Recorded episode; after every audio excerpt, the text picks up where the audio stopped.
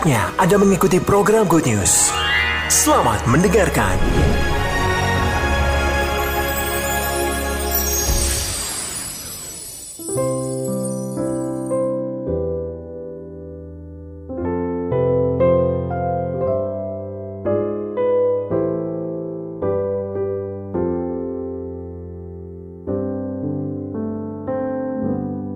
Shalom Bapak Ibu Saudara. Bulan ini adalah bulan Adiosua. Menurut WHO begitu ya, menurut WHO ternyata usia tua, usia usia usia senior itu dimulai. Kalau dulu 60 ya, sekarang lebih turun lagi. Katanya 45 itu namanya lansia dini. Nah, tapi begini Bapak Ibu Saudara, setiap kita pasti bertumbuh. Amin. Tapi pertumbuhan itu bukan karena usia saya katakan lagi bukan karena usia. Pertumbuhan itu adalah ketika kita benar-benar ketika kita benar-benar mengalami kedewasaan penuh di dalam Kristus. Amin. Ada idiomnya kan? Menjadi tua itu pasti, tetapi menjadi dewasa adalah sebuah keputusan. Katakan bersama-sama, menjadi dewasa adalah keputusan. Artinya engkau bisa saja umurmu tua, umurmu 70, 80, tetapi engkau tidak dewasa dalam tanda petik.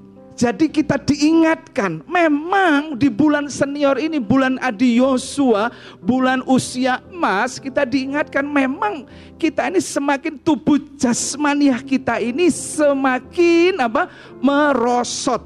Yang dulu mungkin kita nggak pernah asam urat, yang asam urat yang di rumah ya jangan coba-coba gitu ya. Kalau memang itu sudah nggak kuat santan ya jangan dicoba-coba. Ingat umur kan begitu ya. Karena apa? Kita harus menyadari manusia jasmani semakin merosot. Tetapi dikatakan di situ dalam 2 Korintus manusia rohani kita diperbaharui apa? Terus menerus dari hari ke sehari. Berarti tidak cukup hari Minggu, tidak cukup hari Rebu, tidak cukup hari Kamis, tapi dari hari ke hari manusia rohani kita disempurnakan. Walaupun paradoksnya manusia jasmani kita semakin merosot. Tapi hari ini saya akan mengingatkan kepada setiap kita. Jauh lebih penting untuk mementingkan manusia rohani kita daripada manusia jasmani kita. Bukan berarti kemudian oh kalau gitu nggak usah olahraga, enggak kita tetap jaga jasmani kita, tetapi terlebih penting jaga rohani kita. Berarti dewasa dalam kepenuhan Kristus. Katakan bersama-sama, dewasa dalam kepenuhan Kristus. Jadi tujuan hidup kita bukan dari seberapa lama kita hidup. Ya, saya katakan lagi, tujuan hidup kita ini bukan seberapa lama kita hidup, seberapa besar kesempurnaan yang kita dapat. Sempurna ukurannya bukan Tuhan ya, tetapi kadang-kadang kita ukur sempurna dari hal-hal yang lahiriah. Kadang-kadang kalau ketemu pendeta ditanyain berapa jemaatmu, ya kan? Kadang-kadang begitu. Kamu sekarang sudah punya rumah belum? Ukuran sempurna itu diukur dari lahiriah. Tapi sebetulnya kesempurnaan bukan ya bukan itu hal yang penting, tetapi kedewasaan kita itulah yang terpenting dalam kehidupan kita. Kalau mau dibilang sempurna, nggak ada semua manusia yang sempurna. Setuju ya Bapak Ibu Saudara? Ya, engkau cari suami yang sempurna, Gak ada. Cari istri yang sempurna, gak ada. Betul? Cari gereja yang sempurna, gak ada.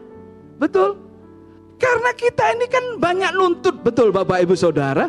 Kita itu sering kali buat list. Gini, gini, gini, gini, gini, gini.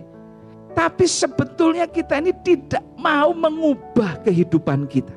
Karena saya percaya ketika kita hidup di dalam Tuhan dan Tuhan hidup di dalam kita, maka perubahan kehidupan itu pasti terjadi. Pak Gembala selalu bilang gini kan dari minggu kemarin, kalau watuk itu bisa diobati gitu ya. Kalau watak itu tidak bisa. Tapi saya setuju dengan Pak Gembala, saya tolak. Karena kalau kita di dalam Kristus, kita pasti akan diubahkan, disempurnakan, menjadi serupa dengan gambaran Yesus Kristus. Jadi Bapak Ibu Saudara, izinkan kita ini berubah dari hari ke hari, ya. Sekarang kita lihat ayatnya, ya. Kita buka dari Efesus 4 ayat 11 sampai 16 ialah yang memberikan baik rasul-rasul maupun nabi-nabi, baik pemberita-pemberita Injil maupun gembala-gembala dan pengajar-pengajar untuk apa? Memperlengkapi orang kudus. Orang-orang kudus bagi apa? Pekerjaan pelayanan bagi pembangunan tubuh Kristus jadi setiap kita ini dipanggil dengan satu tujuan untuk bersama-sama kita diperlengkapi bagi pekerjaan pelayanan, bagi pembangunan tubuh Kristus. Siapa tubuh Kristus? Bapak, Ibu, Saudara, kita semua adalah tubuh Kristus. Gereja-gereja itu adalah tubuh Kristus. Betul? Kristus adalah kepala, ya. Terus lanjut 13. Sampai kita semua telah apa? mencapai kesatuan iman dan pengetahuan yang benar tentang Allah.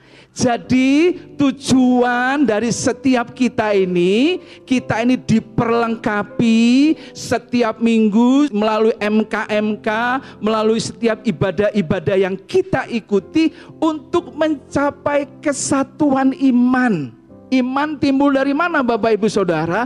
Dari pendengaran. Pendengaran akan apa? Akan firman Tuhan yang membuat tanah itu bertumbuh. Tanah itu melambangkan kita. Yang membuat tanah itu bertumbuh bukan dari penabur. Betul Bapak Ibu Saudara? Bukan karena penabur itu dijelaskan, itu dia menaburkan firman dan benih itu jatuh di tanah yang ber, di, tan, di pinggir jalan, di tanah yang berbatu-batu, di tanah yang di tengah-tengah semak duri dan di tanah yang baik. Artinya apa? Tumbuh atau tidaknya itu bukan tergantung dari orang lain, tetapi dari tanah hatimu, dari setiap kita. Itu sebabnya ketika kita mendengarkan firman Tuhan, kita harus full attention. Kita harus betul-betul mendengarkan. Karena apa? Karena itu ternyata mempengaruhi pertumbuhan kita. Ketika kita bertumbuh, otomatis akan apa? Berbuah dan buahnya bisa dilihat orang sehingga kita mencapai kesatuan iman dan pengetahuan yang benar tentang anak Allah. Kemudian apa? Kedewasaan penuh. Ini berarti apa? Ini berbicara tentang proses kehidupan. Dewasa. Sekarang saya tanya Bapak Ibu Saudara dewasa apa masih anak-anak? Sudah dewasa. Kenapa? Kok bisa tahu dewasa? Umur saya Pak. Badan saya Pak Dulu kecil, betul? Dulu masih ingusan. Sekarang udah udah besar, udah tahu, udah bisa milih suami, milih istri. Itu namanya kita dewasa. Tetapi di sini dikatakan kedewasaan penuh. Berarti apa? Full kedewasaan penuh berarti semua yang kita dapat tentang kebenaran tentang anak Allah itu yang membuat kita ini semakin hari semakin dewasa, semakin mengerti. Nanti kita akan lihat perbedaannya dan tingkat pertumbuhan. Jadi kalau kita dewasa itu harus dibarengi dengan tingkat pertumbuhan. Ya, jadi nggak mungkin saya dewasa tapi pertumbuhan kita, tingkat pertumbuhan kita masih kayak anak-anak. Pikiran kita masih kayak anak-anak. Tetapi dijelaskan situ tingkat pertumbuhan yang sesuai dengan kepenuhan Kristus. Bandingannya dewasa penuh dan kepenuhan Kristus. Artinya apa? Tuhan mau setiap kita mengalami Kristus di dalam kehidupan kita. Amin. Mengalami Kristus bukan kata orang, tetapi kita mengalami kepenuhan Kristus. Betul? Bapak Gembala sudah menjelaskan tentang tujuh perjalanan Yesus selama ada di dunia ini. Jadi fase-fase kehidupan ini harus kita kita lewati. 14 Sehingga, nah ini, kita bukan anak-anak lagi yang diombang-ambingkan oleh rupa-rupa angin pengajaran. Rupanya, rupa-rupa angin pengajaran itu tidak saja terjadi pada saat ini Bapak Ibu Saudara. Sudah ada sejak zaman dulu. Makanya Paulus menegaskan kepada jemaat di Efesus, hati-hati. Kamu harus alami kepenuhan Kristus supaya kamu nggak diombang-ambingkan. Kalau kita anak-anak, kalau kita masih anak-anak, kita gampang terpengaruh dengar ini, oh iya benar. Nanti ke sana lagi dengar ini, oh iya benar. Makanya kita ini harus tertanam. Katakan bersama-sama, tertanam. Tumbuhan itu tidak akan pernah tumbuh dengan baik kalau dia tidak tertanam. Kalau enggak, kita kayak tumbuhan plastik. Kita bukan Kristen plastik Bapak Ibu Saudara. Tapi kita Kristen yang bertumbuh. Amin. Jadi jangan sampai itu. Kalau kita mau bertumbuh, dicabut lagi, dipindah sana.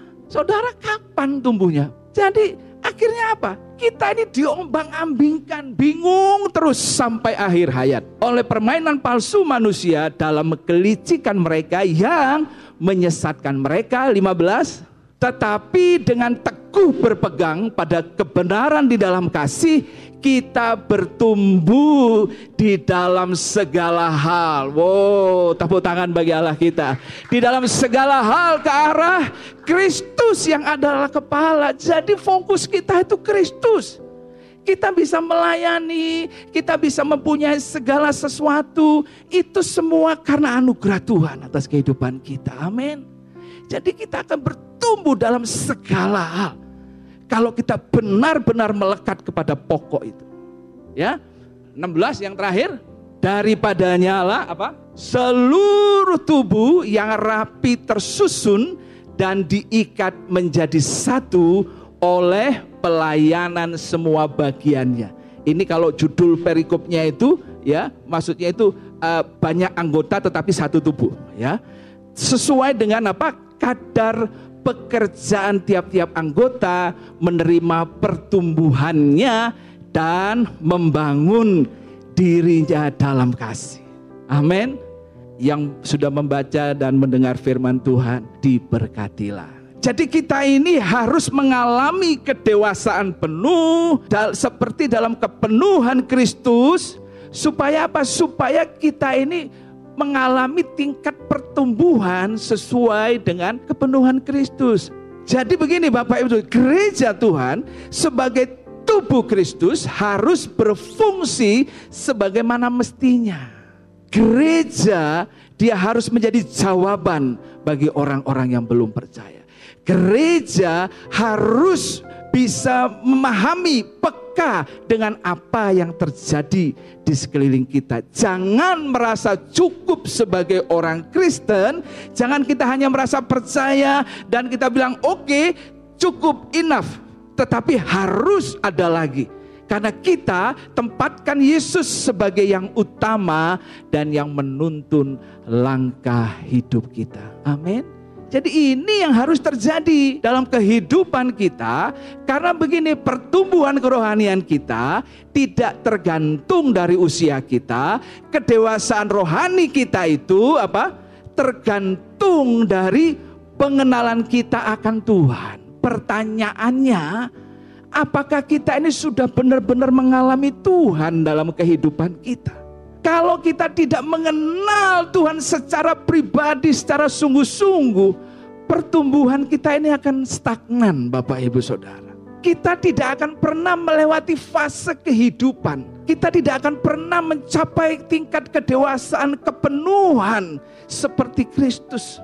Karena bagi kita, aku sudah lama ibadah, aku sudah lama jadi Kristen, tapi hanya cukup sampai di situ.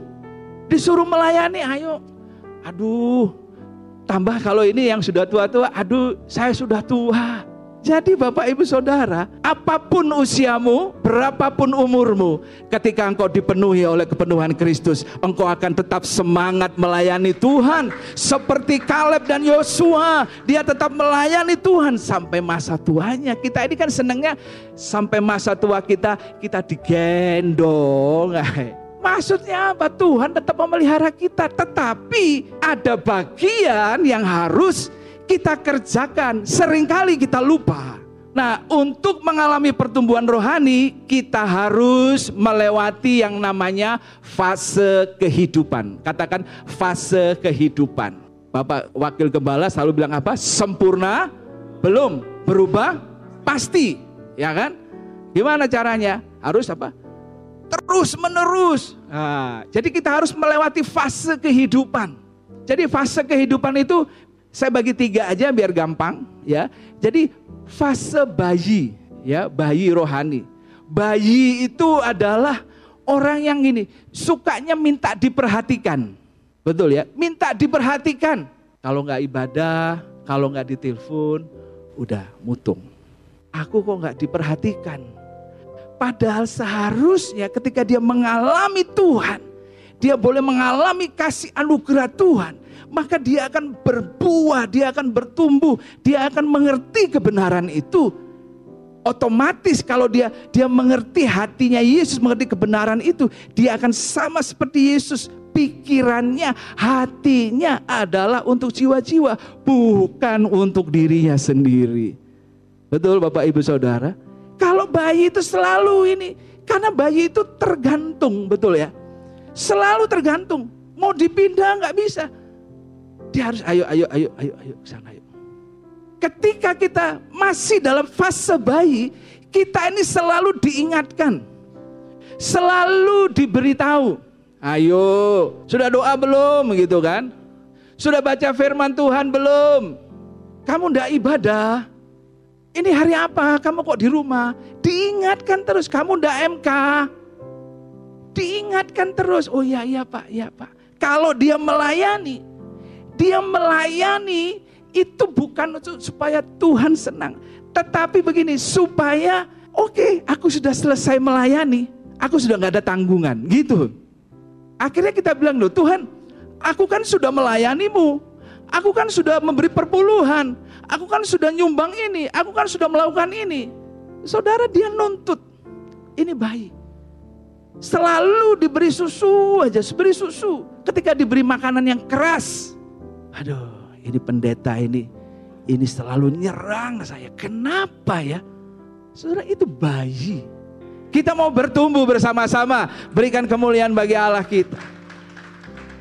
Kalau kita sungguh-sungguh, tanah baik itu akan bertumbuh 30, 60, 100 kali lipat. Tapi kalau engkau hanya tanah yang aduh di pinggir jalan, firman belum belum masuk sudah dipatok ayam. Apa tadi firmannya? Waduh, enggak tahu ya. Pokoknya ada yang tua-tua gitu loh. Sama yang bayi-bayi gitu. Kita lupa bahwa iblis itu berusaha untuk mencuri firman itu, betul? Matius 4 ayat 4. Yesus ngomong sama iblis, "Hei iblis, manusia itu tidak hidup dari roti saja, tetapi dari setiap firman yang keluar dari mulut Allah." Lu iblis ngerti Oh gitu ah Tuhan.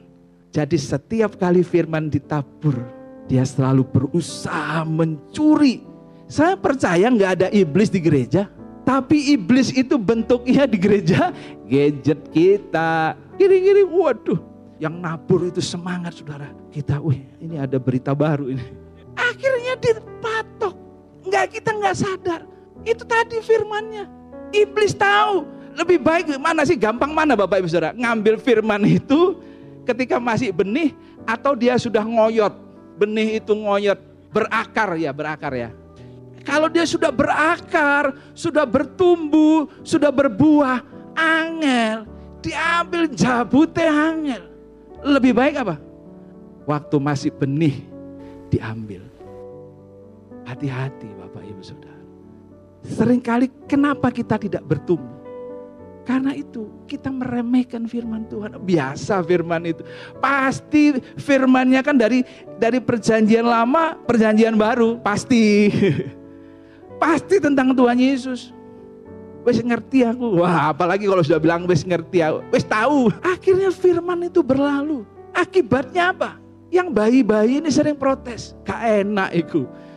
Jangan sampai kita ini Kristen stunting. Nah ini istilah baru kita kurang gizi. Nah, yang kedua apa? Kristen yang sudah mulai beranjak dewasa.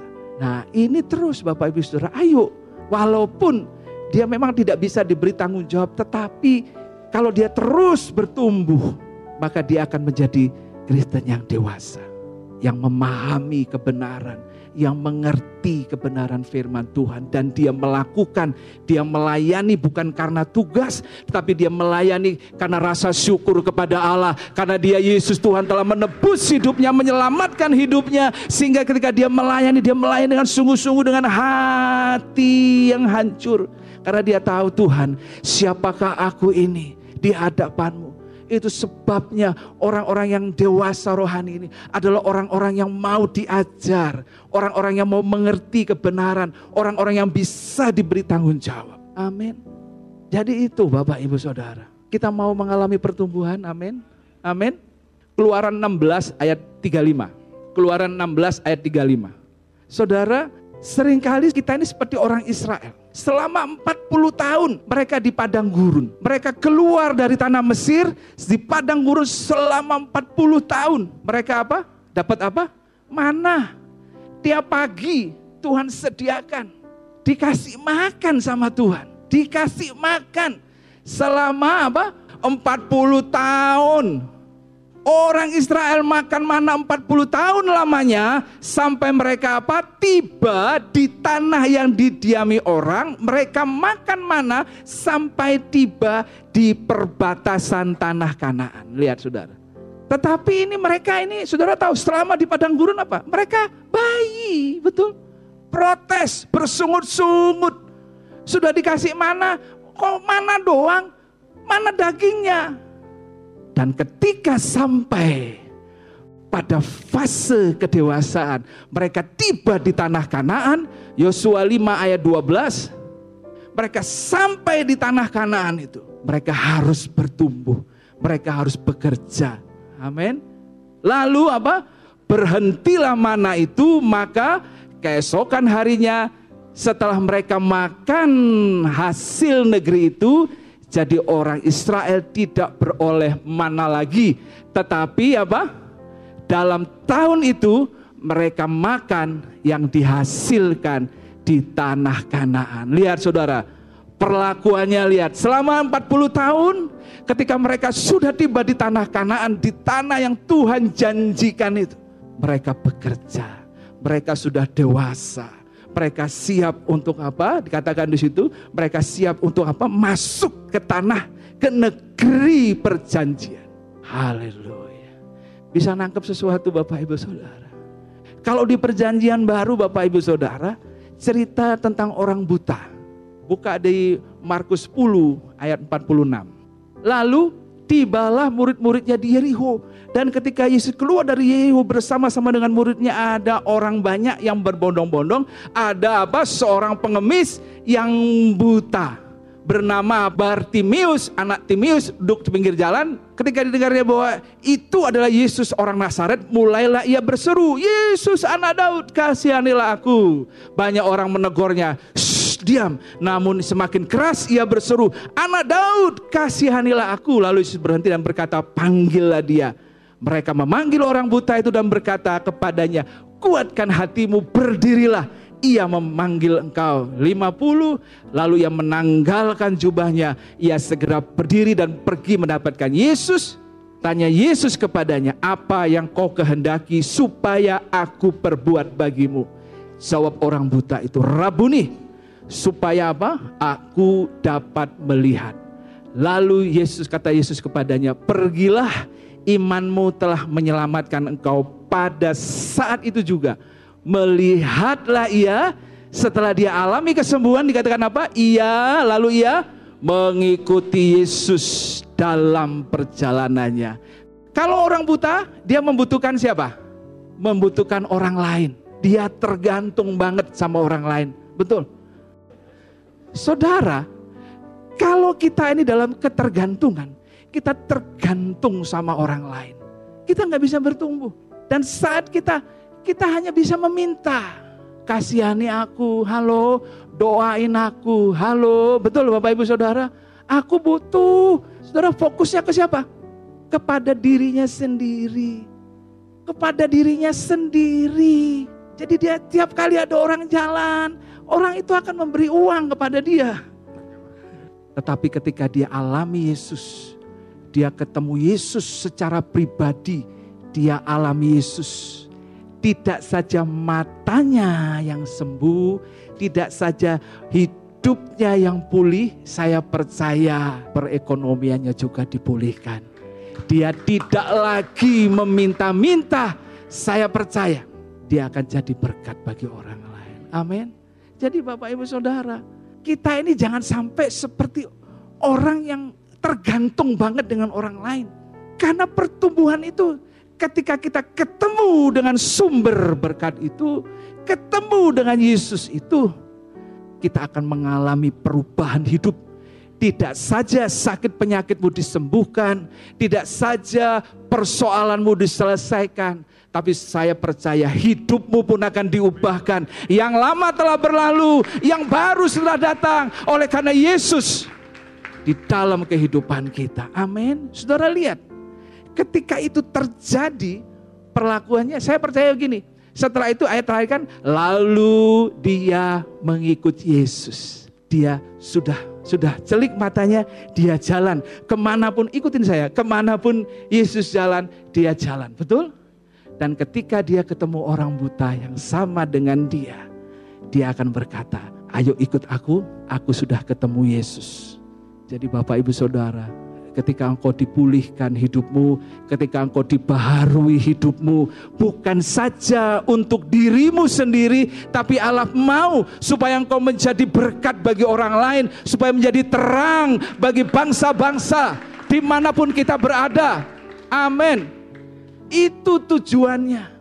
Kita akan semakin dewasa, semakin dewasa. Dan saya percaya dia nggak akan ngemis lagi. Saudara bisa nangkap sesuatu, jadi ayo kita harus bertumbuh, harus dewasa. Kita tidak lagi ketergantungan. Kita tidak lagi seperti orang-orang yang yang tergantung pada selalu diingatkan. Enggak, Bapak Ibu Saudara. Kita bukan anak-anak lagi, tetapi apa? Dewasa dalam kepenuhan Kristus. Artinya hidup dalam kebenaran. Berkata benar, berbuat benar, dan hidup yang benar. Ketika itu terjadi dalam kehidupanmu, maka kedewasaan penuh itu sama dengan kehidupan yang berbuah menjadi berkat. Orang buta tadi saya percaya ketika dia alami Yesus secara pribadi dalam hidupnya Bapak Ibu Saudara. Dia tidak lagi buta tetapi dia sudah melihat dan dia boleh merasakan kasih Allah. Itu sebabnya ketika dia ketemu orang yang sama dengan dirinya. Dia bilang ayo aku sudah ketemu Yesus kamu pun harus ketemu Yesus. Bapak Ibu Saudara, ketika hidupmu sudah diubahkan, ketika engkau sudah mengalami perubahan dalam kehidupanmu, tugas kita ketika kita diampuni, kita pun harus bisa mengampuni orang lain. Ketika engkau diberkati, kita pun harus bisa memberkati orang lain. Ketika engkau alami pemulihan, kesembuhan, engkau pun bisa membawa orang itu untuk mengenal Yesus secara pribadi dan ketika engkau mengenal, mengajak orang untuk mengenal Yesus secara pribadi, saat itulah hidupmu menjadi berkat. Amin. Tuhan Yesus memberkati setiap kita.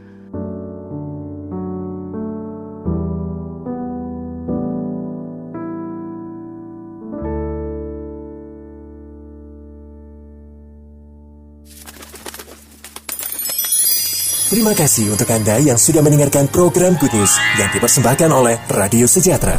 Untuk Anda yang rindu mendapatkan layanan konseling dan dukungan doa, silakan menghubungi hotline 0812 33 33 6392. Para konselor dan para pendoa Diaspora Sejahtera Caring Ministry siap untuk melayani Anda. Tuhan Yesus memberkati.